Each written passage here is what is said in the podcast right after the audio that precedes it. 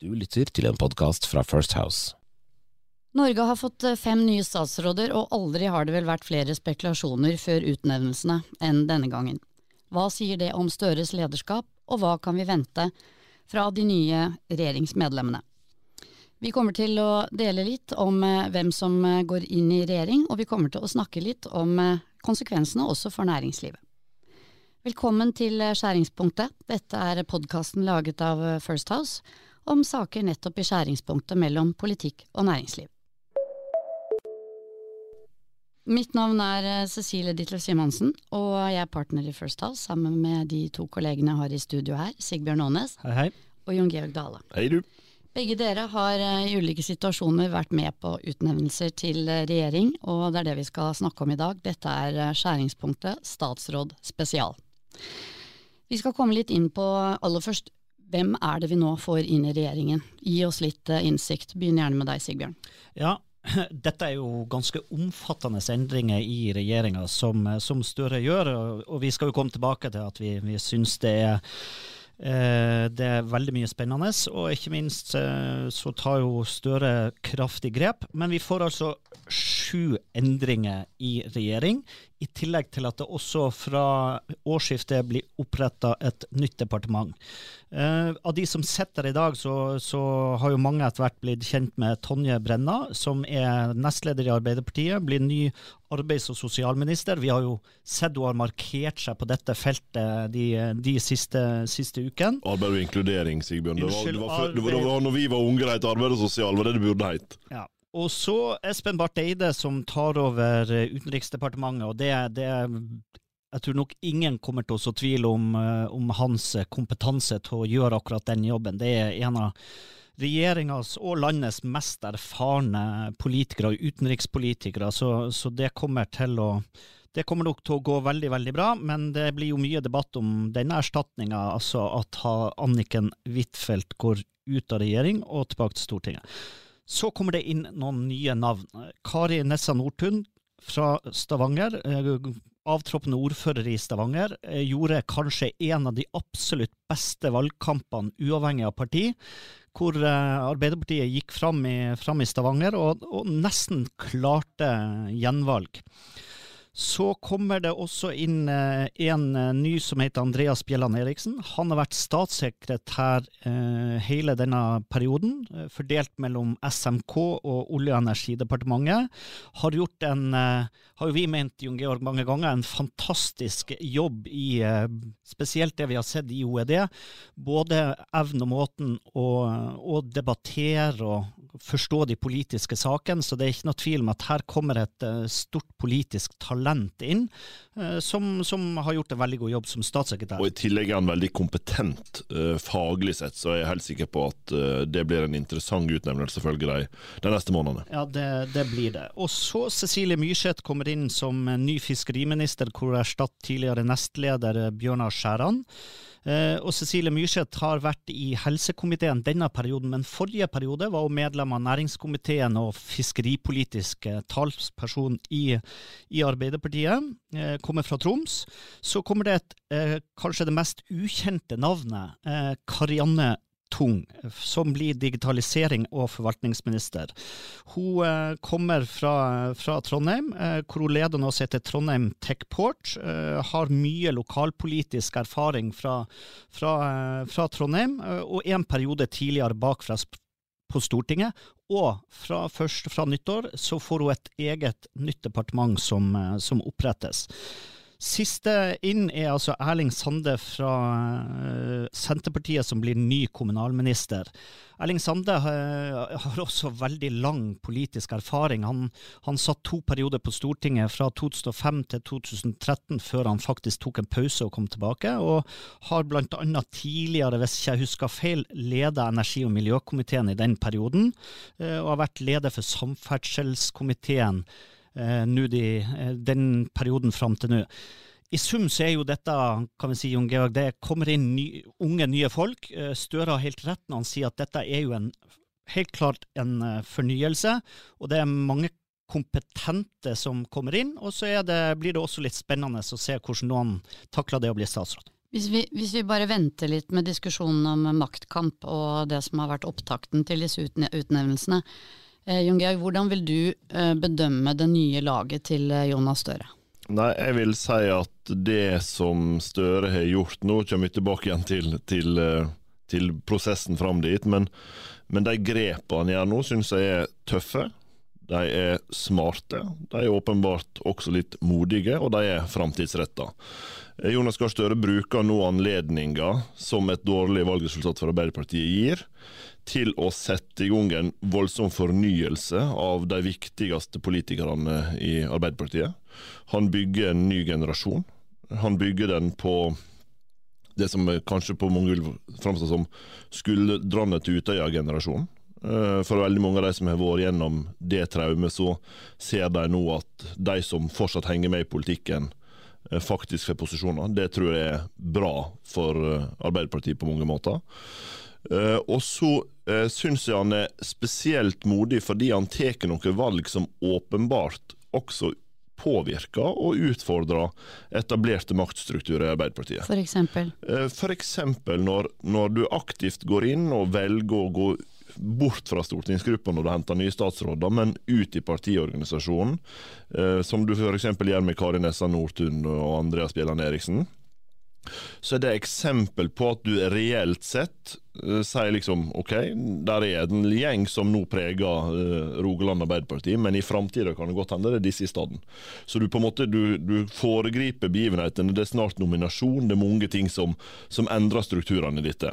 Um, det er ett eksempel. Det andre er jo at han går til Trøndelag Arbeiderparti og går utenfor maktstrukturene som har vært danna i Trøndelag Arbeiderparti, som har vært en motvekt eh, til Jonas Gahr Støre, spesielt under eh, Trond Giske, men for så vidt også har sittet litt igjen i, i etterdønningene av den saken. Og han velger aktivt vekk Raymond Johansen, som mange i Oslo Arbeiderparti uh, har pekt på, som er et sterkt uh, lokallag, men som også har forgreininger andre plasser. Sånn at han utfordrer de etablerte strukturene og velger å gå bort fra maktbasen og faktisk fornye et lag, og det syns jeg er et modig grep. Er dette et uttrykk for Støre med mer selvtillit enn vi har sett tidligere? Vil, ja, for det her er jeg helt enig med Jon Georg. Dette, dette, er modig. Uh, og her Altså det er et forsøk også på å sprenge litt disse maktstrukturene som har vært. Det å hente tre av fire nye statsråder utafor Stortinget, det er, det er, ganske modig. Og, og, og, og, spesielt vil jeg si altså Kari Nessa Nordtun tror jeg var venta av mange, men det kommer to til som kommer, kall fra utsida av dette. og det du vet, Det er jo et, et, til de som sitter igjen i Stortinget og har tenkt at uh, vi har en sjanse til å bli statsråd. Ja, så, så, er dette et ganske tydelig signal om at uh, det, det, er ikke i stortingsgruppa uh, jeg plukker folk når jeg fornyer laget nå. Så, så, så, det er klart, det er, det er modig, og, og, hvis det funker, så vil nok Støre stå igjen om et par år med mye sterkere makt.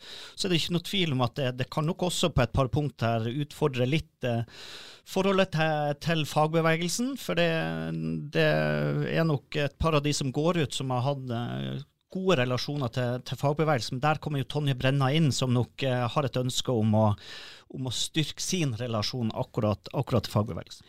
Dere eh, brukte ordet modig, eller mot. La oss gå til pressekonferansen som statsministeren enten fortsatt holder på med, eller har holdt på med akkurat det vi begynte å ta opp podkasten i hvert fall.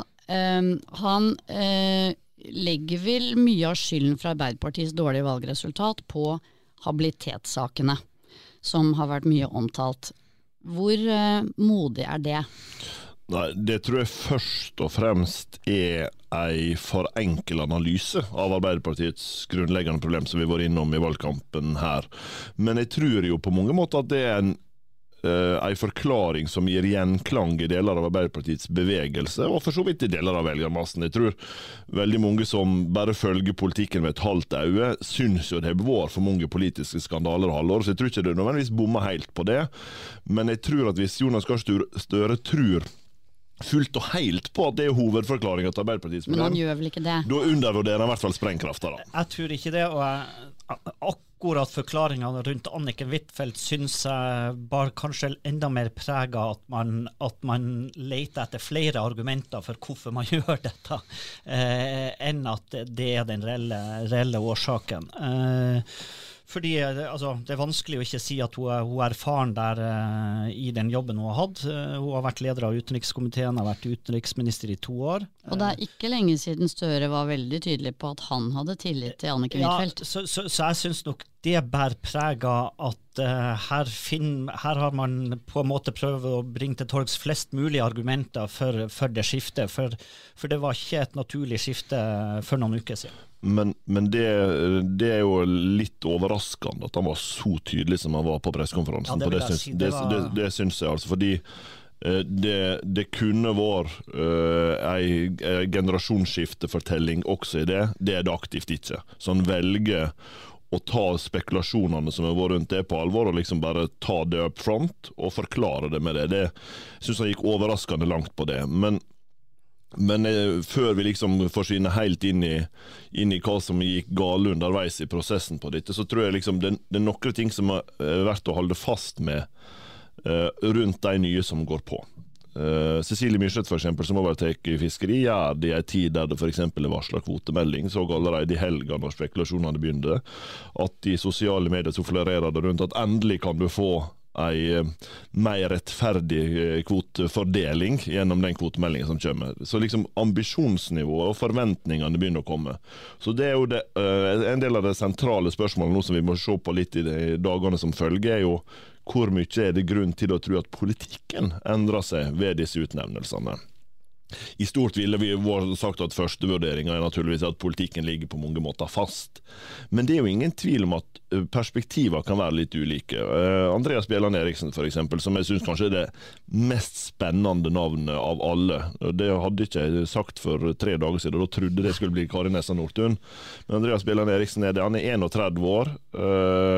Og blant de yngste mannlige statsrådene som noen gang har mønstra på i regjeringsapparatet. Uh, syns likevel at det vi har sett av han det siste året, leder f.eks. en paneldebatt under Arendalsuka der han var. Altså briljant på debatteknikk. Det er det ene. Eh, det viktigste er at han har full oversikt over veldig mange saksfelt. Og han, til tross for at han jobber for, for djupt på eh, energifeltet nå, så har han jo gjort det med perspektiv grønn omstilling. Og hva han kan ta med seg av forståelse mellom transformasjon fra det gamle til det nye i energiforsyninga inn i Klima- og miljødepartementet. Se liksom på hvordan kan du bruke markedseffektene, som han for så vidt har sett i Olje- og energidepartementet, ta med seg det til KLD. Jeg tror det blir jeg tror han kan være en karakter som får forventninger til i dag, men som viser seg at han faktisk er i stand til å gjennomføre et slags taktskifte og representere noe nytt i, i det departementet. Og Det tror jeg, tror jeg, er veldig spennende. rett og slett. Ja, Nå skal du si Han overtar jo etter Barth Eide, som, som Som har ting på stell? Ja, som jeg vil si har hatt ting på stell i det departementet, og som er en erfaren politisk leder. Jeg er enig. Bjelland Eriksen virker å være et veldig godt og veldig spennende valg. Det vi har sett av han utad er veldig, veldig bra. Men så vet du også, Jon Georg, at det, vi, det, pressen skriver lite om, som jo også alltid er det spennende med statsråder som du har sett har vært gjerne markante stortingsrepresentanter, så det er også evnen til å lede innad i et departement.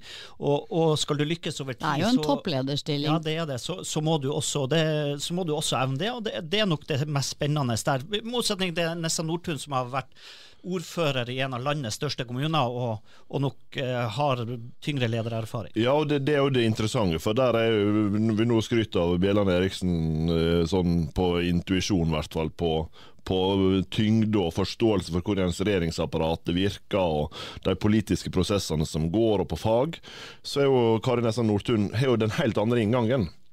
Hun kommer jo med tung ledererfaring, mm. men uten å på en måte ha noe erfaring fra stortingsmiljøet ja. og fra departementsfellesskapet. Og det som øh, flere har vært borti før, i hvert fall, er jo at det som er flinke ordførere, eller folk som kommer helt fra utsida av politikken, og som ja. kan ledelse, av og til bommer på enkle ting, f.eks. For, for jeg skjønner ikke den den uh, rolla du har f.eks. overfor Stortinget, da, i balansen mellom, mellom, regjering og storting. sånn at Hun kommer på et helt annet utgangspunkt. Så Der han har den ene eh, tunge erfaringa, vil hun ha den andre. Og de, i sum så vil det være komplette. ja. vi, vi, vi, må litt innom uh, Tonje Brenna også, som har vært veldig aktiv på, i debatter og diskusjoner om arbeidslinja de siste ukene. Kanskje en liten forsmak på hennes nye rolle som uh, arbeidsminister. Hva kan næringslivet vente seg på det feltet, med henne som statsråd?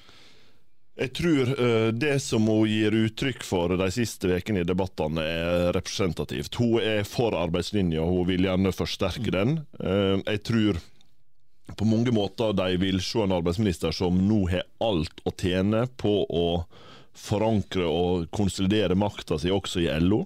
Så hun kommer til å søke aktivt samarbeid med LO, for, med det det betyr på enkelte politikkområder. Men det For eksempel? For eksempel i arbeidslivspolitikken, rett til heltid, vi, hører vi at Jonas Gahr Støre sier i dag. Men også sånn type debatter som vi har sett den siste tida, på innleie og andre spørsmål. Så vil eh, Tonje Brenna prøve å lene seg mot LO for å bygge en maktbase der. Det er jeg helt sikker på. Det kombinert med at der uh, det er grunn til å stille spørsmålstegn rundt handlekrafta til den avtroppende arbeidsministeren uh, Marte Mjøs Persen, så uh, er jo helt overbevist om at slik Tonje Brenne har framstått hittil, så kan hun det altså både få en tyngre posisjon i LO, tydeligere standpunkt og ha større gjennomslagskraft. Sånn at for de som har avvikende interesse fra LO på dette, Eh, så blir utfordringa for å nå gjennom kanskje større enn den har vært. Og vi får en eh, langt tydeligere og mer sydlig arbeidsminister enn, enn det vi har hatt nå den siste perioden. La oss gå tilbake til pressekonferansen. Eh, Støre virket, jeg tror nesten må si forbanna, på media, eller deler av media. Uh, Pga. spekulasjoner. På Dagbladet. Ja, på Dagbladet. Ja. Ok, la oss kalle spade for en spade. Det, vi, vi, skal ikke dra de andre i, i det. Han var forbanna på Dagbladet, da. Uh, fordi, og, og, og helt eksplisitt, uh, før han fikk spørsmål på det, om det, han var helt eksplisitt på at mye av det som har vært skrevet om skal vi si, dialogen eller stemningen i regjeringen de siste dagene, diskusjonene mellom han eller om mulig avgang Huitfeldt osv., mente at det var helt feil og han var forbanna. Hva tenker du Sigbjørn om at han var så tydelig? Jeg kan si at uh, jeg, jeg, altså, jeg, jeg, har hatt akkurat de samme følelsene som Jonas Gahr Støre, og, og, spesielt på Dagbladet. så, så, så, så, i disse sakene så, leser jeg, tar jeg sjelden skal jeg si, veldig alvorlig hva som står i Dagbladet, men, men, det er nok en kjensgjerning at en del av de spekulasjonene, ikke alt fordi at Dagbladet er, er noe Dagbladet, men en del av disse spekulasjonene har også stått i NRK, Aftenposten, VG og TV 2. Som, eh, som, eh, så, så, så, det er ikke absolutt alt er nok ikke tatt ut av lufta. og eh, jeg vil si Det har jo fremstått de siste par ukene som et slags løpende seminar om regjeringsendringen, og som er smått spektakulært i, i norsk, norsk, sammenheng. Eh, og som har vært fremstilt som en maktkamp, hvor jo Støre til syvende og sist har på en måte tatt de grepene han har ment å vært riktige. Men hvorfor har, det, hvorfor har det vært så mange eh, lekkasjer? Støre selv sier at han er veldig fornøyd med prosessen som har ledet frem til disse utnevnelsene i dag.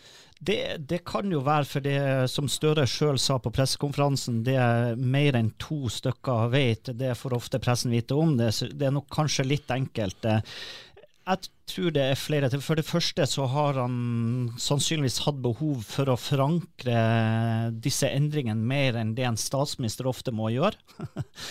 Det er statsministeren som bestemmer hvem skal sitte i, i regjering. Um, så, så, det har han nok hatt. I tillegg så er nok i deler av partiet lojaliteten opp til Støre eh, svak. Det er ofte det du ser når du får eh, den type lekkasjer. For det tredje så er det ikke noe tvil om at det der er nok en underliggende, så ikke kall det maktkamp, men det har i hvert fall vært, vært en eh, eh, mellom noen, disse gamle, kall det gamle Giske-strukturene som Anniken Huitfeldt også tror jeg etter hvert kall det arva, uh, og at hun skulle ut av regjering, som har gjort at mange har følt et behov for å, for å lekke ganske mye til pressen. Uh, men det er, det er, utover dette med Anniken Huitfeldt. Fordi, fordi at når Aftenbladet NRK kan skrive om at Kari Nessa Nordtun har vært inne til bakgrunnssjekk på SMK, så er det en opplysning jeg ikke fatter hvordan kan komme ut i, i pressen. Og, som, og som ikke burde komme ut? Aldri burde For tenk hvis hun ikke ble statsråd. hadde, så, så, det, så, det, er ikke bare Du kan ikke bare knytte til dette, dette mellom Annike Huitfeldt og Jonas, eh, Jonas Gahr Støre. Og det andre er jo at det så til de grader, ikke bare i Dagbladet, men i mange medier, har vært knytta sak og lekkasje rundt vurderingen underveis. Altså ikke til slutt, men løpende vurderinger som også tidvis har endra seg. Det, det, er, det er noe nytt. Jeg vet at Sigbjørn uh, gjerne vil helt ned den veien, og vi, vi, skal gå dit. Bare et par refleksjoner først. Uh, fordi at uh, Spørsmålet er hvordan håndterte Jonas Gahr Støre på pressekonferansen. Jeg tror dessverre det sjelden er lurt å legge seg ut med et samla norsk pressekorps som har kilde for det de skriver. Gode kilder. Du risikerer å få det rett tilbake Gode kilder, dårlige kilder.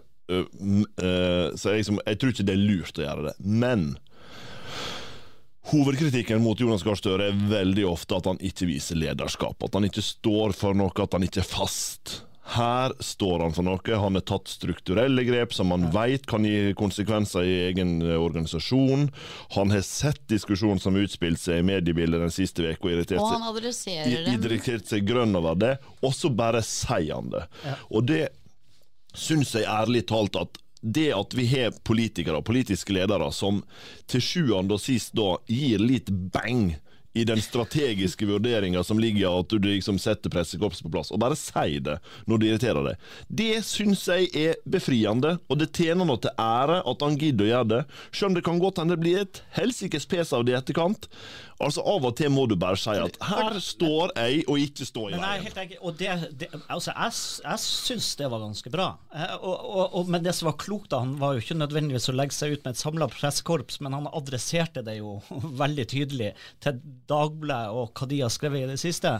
Eh, så, så, så, jeg hadde nok eh, veldig sans for det. Jeg mener at politikere av og til også må si ifra til pressen. Vi så et uh, bilde, jeg tror det var på TV 2 uh, for noen ganske få minutter siden. Jeg tror det var bilde av idet Anniken Huitfeldt går ut bakdøren på Slottet etter, etter konferansen i dag.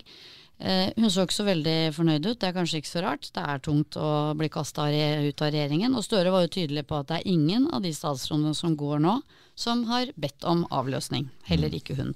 Hvorfor ofrer han Anniken Huitfeldt, Jon Georg? Nei, Det eh, er jo av åpenbare årsaker habilitetssaken. Det forklarer han det jo også med.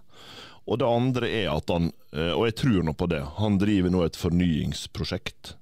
Og det tror jeg ikke nødvendigvis bare handler om å skifte ansikt nå fram mot 2025, som er det han sier at det er forklaringa, det må du si. Men, men, men jeg, jeg, tror jeg har et lengre perspektiv. Hvis Arbeiderpartiet taper valget i 2025, så er spørsmålet hva slags folk skal vinne valget i 2029? Og Det han gjør nå, når han aktivt setter inn unge, men kompetente folk i regjering, let de prøve seg, er at han gir partiet mange flere opsjoner enn de de bare har gjennom uh, Jan Christian Weste og Tonje Brenna i dag.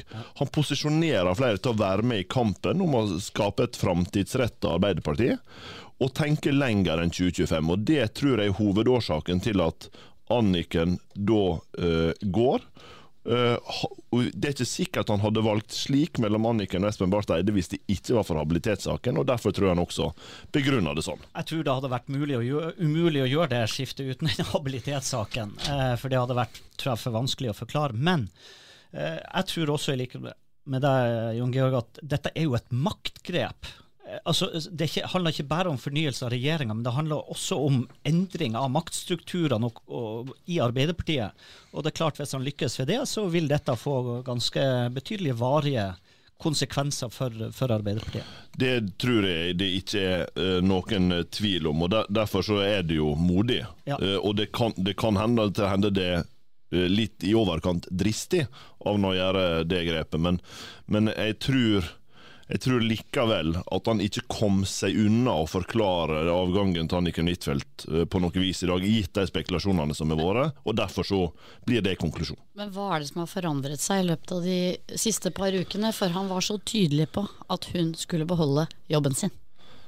Ja, det er vanskelig å si. Ehm, jeg tror jo der er kommet inn flere forhold i tillegg. Men så Eh, så tror jeg vi, liksom, hvis vi skal være, zoome litt ut av den bobla vi fort befinner oss i når vi liksom gjør politisk analyse og har vår på innsida Jeg tror han treffer litt eh, hodet på spikeren når han snakker om det tillitsbruddet disse skandalene har gjort med tilliten til det politiske livet eh, det siste halvåret. Og at de akkumulert er av et slikt omfang at det må ryddes opp.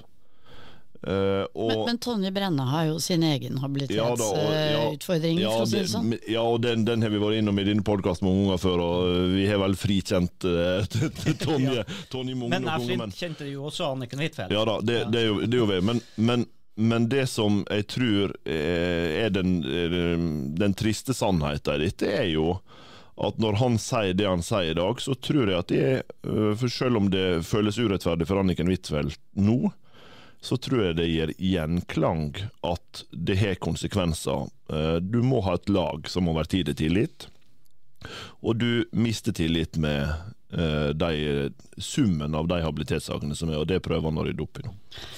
Jeg, jeg, jeg ser jo at noe av det som, som har vært skrevet mest om av kalde vurderinger fra kilder i Arbeiderpartiet de siste uka halvannet, er jo også det faktum at Støre ønsker å kvitte seg med Anniken Huitfeldt for å ha større handlingsrom til å kritisere eh, Erna Solberg.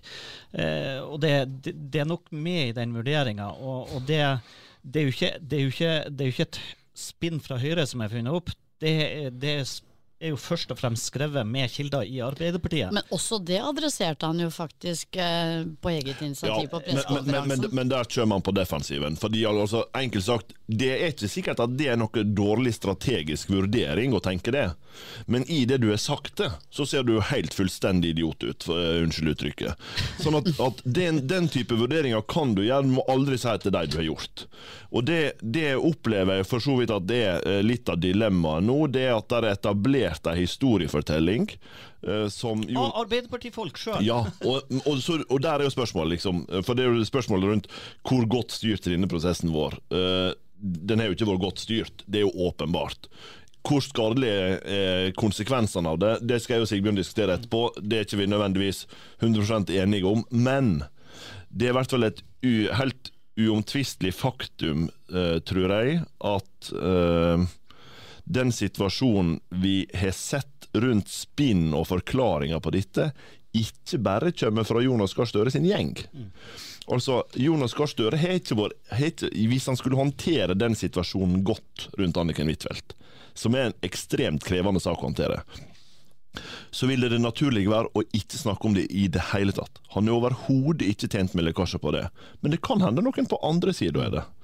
Sånn at For å gjøre det Andre for, sida her så snakker du ikke andre sida av politikken. Nei. nei, andre, andre, andre fløyer i Arbeiderpartiet. ja, For, de, de som vil beholde Anniken for å gjøre det for vanskelig for ham å kaste henne, for da vil han bli beskyldt for å kaste henne under bussen. Ja. Uh, Men, men det var Altså, jeg vil jo si hun ble i hvert fall lettere kasta under bussen i den pressekonferansen i dag. Det- det, Selv om han snakker pent om henne, men eh, jo, han men, men, men, men den såpass resolutt som han er i dag, så er det det han gjør. Jeg er litt overraska over det. Men, det, Men- der vi er uenige, sant, er at jeg, jeg mener de siste halvannen uka, og med det de forklaringene eller kildene fra Arbeiderpartiet som snakker om at dette handler om Erna Solberg, altså å ha handlingsrom til å, å, å kritisere Erna Solberg, så, så, så er det klart at om to år er alt dette glemt. Men for det første så svekker håndteringa svekker det grepet han gjør rundt Anniken. Fordi at det, det, det er uansett ute der ei fortelling om at det også handler om, om hvordan man skal kunne håndtere det. Det er vi enige om. For det andre så, så er det sånn at nye statsråder er et betydelig grep. Og de skal få på en måte de, Det det er i starten de har mest mulig størst mulighet til å få oppmerksomhet rundt seg. Spesielt de, de som kanskje ikke har profiler fra før. De trenger på en måte den drahjelpa de får i starten. Og nå risikerer man at starten egentlig kommer til å handle om noe annet enn disse nye statsrådene. Men der, der blir det øh, kommer det også til å ha mye å si hva Anniken Huitfeldt og kall det den fløya der gjør de, de neste dagene. Hvis det blir mer støy nå, så ødelegger det for de nye. Hvis det blir helt stilt, så får de nye handlingsrom. Tror du, tror du Jon Georg, at eh, Anniken Huitfeldt kommer til å si noe om dette? Eh, Jeg tror ikke hun kommer til å si noe ennå, men det, det, det er risiko for at både hun og Bjørnar Skjæran sine folk er relativt opptrekt på dette. Eh, Og det er blytungt å gå av som statsråd, også når du gjør det frivillig. Så liksom når folk ser at Anniken eh, griner på vei ut fra Slottet i dag, det er ikke rart. Du, hun kommer ut av departementet og har eh, tatt farvel med folk som har jobba ekstremt tett med i to år. På jobb hele døgnet. Altså. Jeg grein som en unge. skulle si jeg, Ja, ja. Jeg grein som en unge. Ja, men du griner jo så ofte, ja, da. og, jeg, men jeg, og jeg, jeg gjorde jeg, jeg grein, jeg grein jo som, en- jeg grein som en unge selv når jeg gikk av frivillig. Altså, jeg gikk fra dør til dør i Landbruksdepartementet. Jeg har ikke grein så mye i mitt liv. Jeg, liksom, det er blodtøft. Og én ting er når du velger å gjøre det, en annen ting er når du blir kasta ut, som hun faktisk blir nå. Og det er Og, klart at, og snakket så mye om, og skrevet så ja, mye og det er om. klart at Kanskje det, er det litt tøft på hjemmebane også, Det- de der investeringene til det er i hvert mannen. fall sånn at Det er i hvert fall sånn at når det så til de grader blir forklart med den habilitetssaken, så gjør det, det er ytterligere stein til byrden.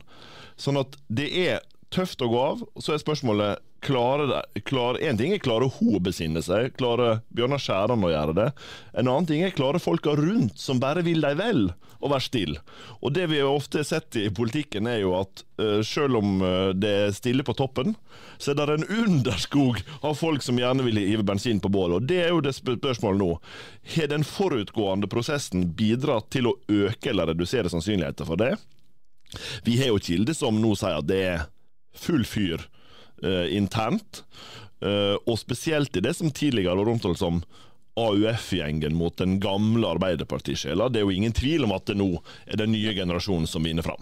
Nå har vi, eh, har, dette kommer vi til å følge med på. Nå har vi jo hørt litt om uh, Jon Georgs uh, altså at du gråter av og til.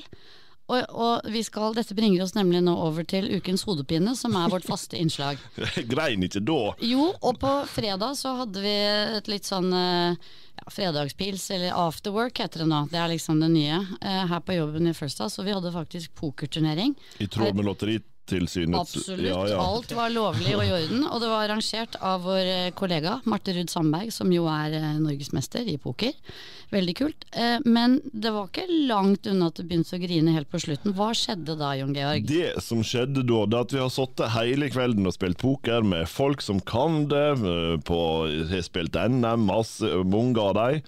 Og så ender jeg altså på et finalebord, og der sitter flere av dem. De kom rett fra poker-NM forrige uke, og jeg tenker ok, her må jeg uppe gamet. Og de ryker ut, den ene først og den andre etter. Og hvem i faken sitter igjen med til slutt, annet enn Cecilie Ditlev Simonsen? Det er ultimate Som spiller poker for andre gang i mitt liv. Det det ultimate nederlag. Så hun sitter, hun sitter liksom og svelger på en hånd og så sier Ja, hva betyr dette, da? Eh, Jeg har tre par, hvilket jo åpenbart ikke eksisterer. Jo, men hvis jeg så, så mine kort sammen med de som lå på bordet, så Altså, ble det tre så par. det, ukens hodepine er rett og slett det ufattelige følelsen av nederlag når du taper for folk som åpenbart har dårligere greie på det enn du sjøl, men du likevel ikke evner å lykkes. Men han dealeren mente at jeg burde være med på NM neste år. Ja, det, det, så I så tilfelle er det flere som blir med, så vi kan hente pengene derifra. Ja, det er veldig bra. Takk for det, dere.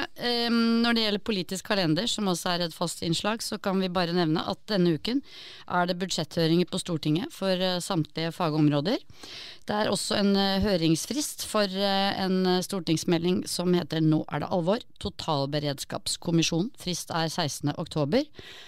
Og det er faktisk i dag. Eh, Vi skal eh, avslutte nå, for vi vil gjerne ha denne podkasten ut på lufta, mens det vi har snakket om er eh, veldig aktuelt. Statsråd spesial, hilsen oss i First House. Takk for at dere hører på oss.